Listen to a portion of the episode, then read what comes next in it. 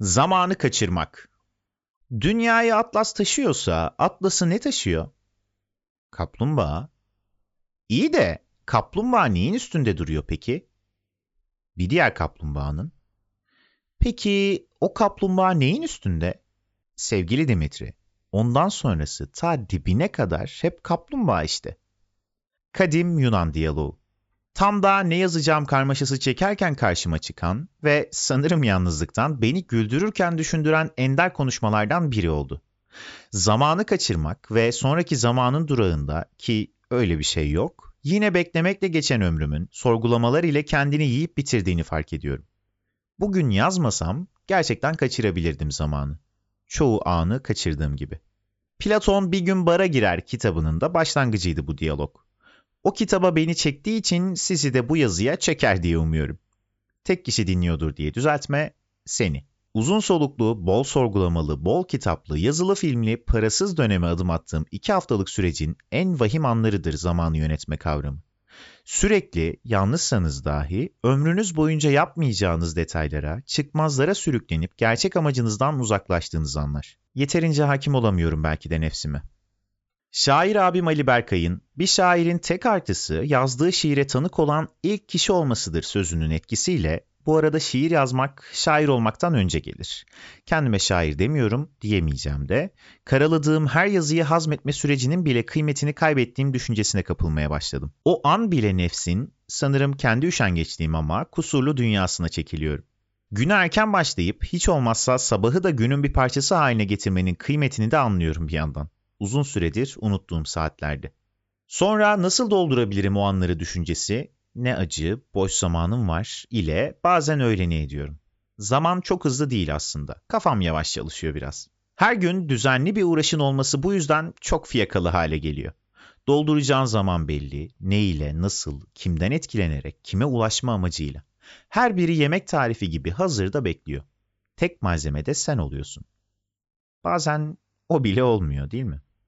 Yarın kavramının fazla felsefi olması, bir gün sonrasını hiçbir zaman temsil edemiyor oluşu çok ayıp, kırıyor beni.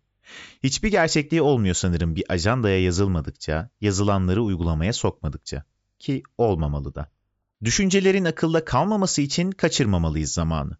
Ona hükmetmek değil demek istediğim. Şov yapma, iyice denemeci sanmaya başladın kendini. Ömür boyunca bir arada olacağın, benliğinle beraber tek kavram olan zaman ile dost olabilmek. Haydar Ergülen'in arkadaşlığın üç kişiyle daha sağlam olduğunu gözlemlediği bölüme ithafen bir uğraşla eşlik etmeli. Daha sağlam kılabilsin. Yaşamın hiçbir zamanı yok.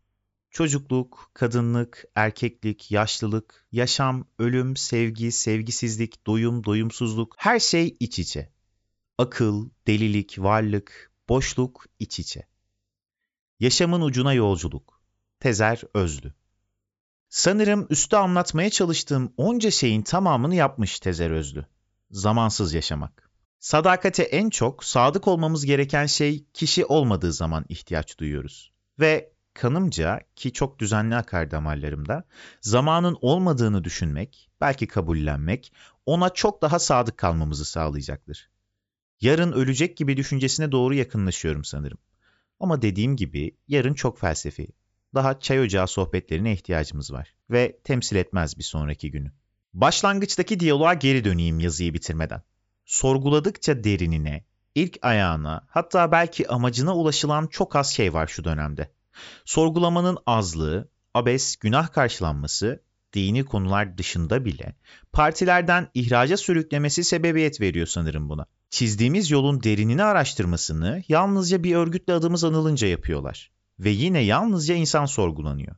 Kavramlar, zaman, zamansızlık, hırsızlık, dinler, haşa, inançlar, az parti, kullanımım anlaşılmıştır umarım. Sorgusuz sualsiz kabul yahut reddediliyor.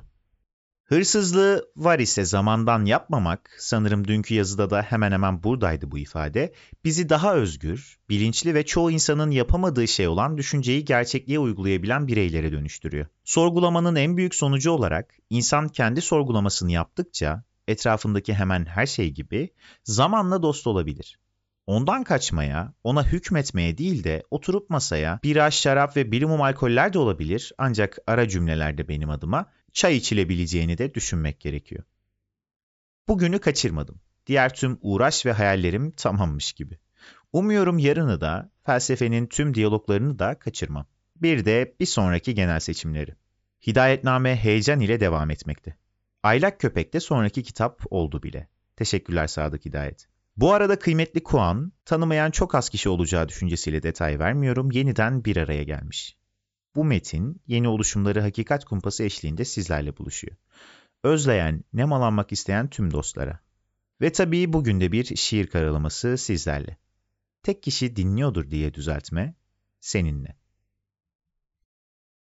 Salınıp gider. Çekilmez kılındı sınır ihlalleri.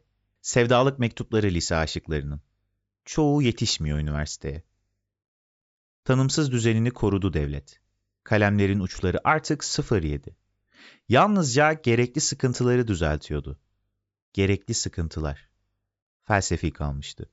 Meydanında asılı vücudu, devrimci meydanında sevdiğinin ve üzerinde aldığı kolye 18 yaşının. Televizyonda görülmesi, yalnızca sansürlü gül yüzünü. Yokluğun sırrına kalır küfür. Sonsuz bir acısı varmış varoluşun.